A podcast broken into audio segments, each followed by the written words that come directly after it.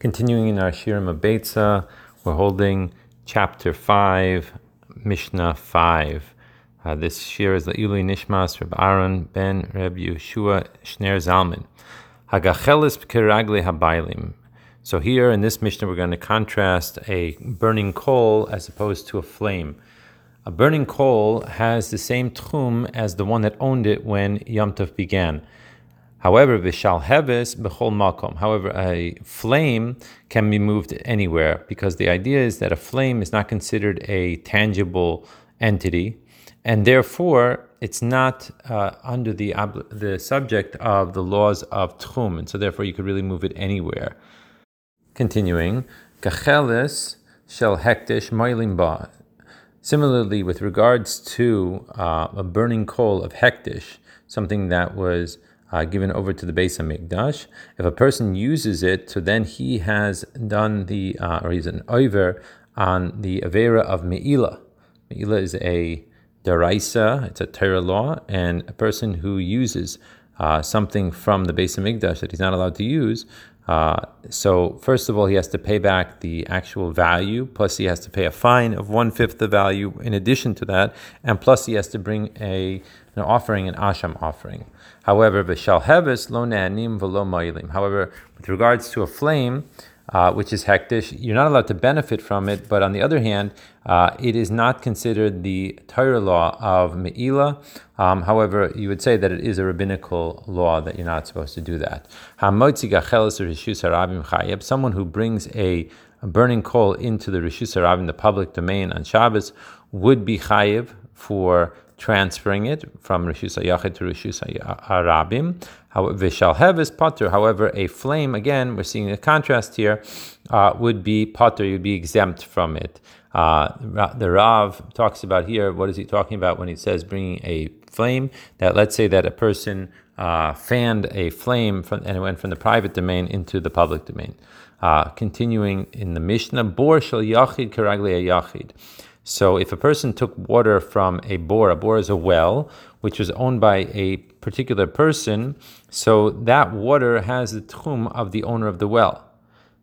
Vishel anshe ha'ir karagle anshe ha'ir. Similarly, the well of the people of the town would have the tchum, the water would have the tchum of the people in town. And finally, the last category is vishel oile bavel karagle hamamale. Here we're talking about um, the Bartenura explains the people that came up from Bavel to Eretz Yisrael, they dug uh, wells along the way, and therefore these wells are really ownerless. So therefore, if someone were to take water out of the wells, then the water would become uh, the persons who drew the water, and therefore it would have the tchum of the person that drew the water. Mishnah Vav. Misha Hayu Let's say that someone had produce in a different uh, in a different city that was more than 2,000 amas away, meaning that it was outside of his tchum. And let's say that the people of the other city made an eruv in order to bring his produce to him. So they wanted to do that. However, lo yaviu lo, they're not allowed to bring to him from his perus because he and his perus are not included in their eruv and his payros are still under his domain, so therefore they have the same rule as him. However, ve'im erev hu kamohu. But if he himself made an erev tchumim, right, and therefore he enabled himself to go to where the produce was, so then he would be allowed to uh, be able to get the payros. And if the people of the other city also made an erev, then they would be able to carry it to him where he is. And the final Mishnah of our Masechta, Mishnah Zayin, Misha Zimin Etzlo Orchim. Let's say that someone invited guests from outside of his Tchum to come to him to have a meal or spend time with him uh, on Yantif. So now what happens is that let's say that these guests want to bring back to their homes some of the food that they ate by the host. So lo yalichu bi'adamanos. He's not. They would not be allowed to bring uh, the portions of food back because those portions of food were belonging to the host when Yom Tov started. So therefore, they are still under the tchum of the owner, namely of the host. And since he did not make an erev, so then they would not be able to take it back. Although they made an erev, So they're able to travel to him, but they cannot bring the uh, food items back. The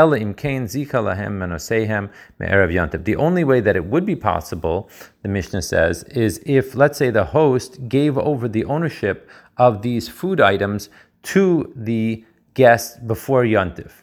And here, what we're talking about is uh, the Rav explains that you are allowed to, and you're capable of giving over the ownership of certain food items to another person, even if they're not in his presence, by giving it to a third party, and he receives it on uh, their behalf.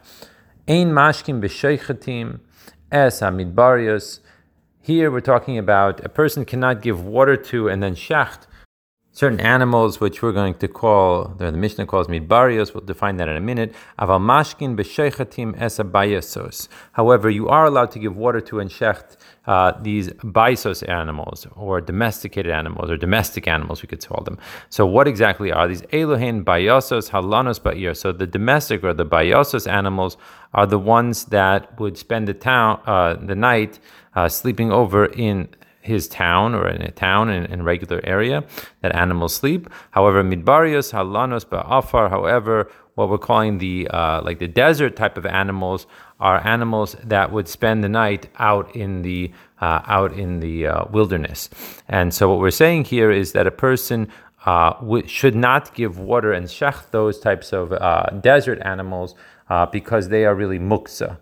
Um, now, of course, you would be allowed to give water to it in general, but here we're talking about the Mishnah is really just teaching us that before a person shechs an animal, it is best to give water to the animal first. And so it's teaching us uh, something alongside of this halacha. And that is the end of Masechtas Beitza, Mazel Tov, Mazel Tov.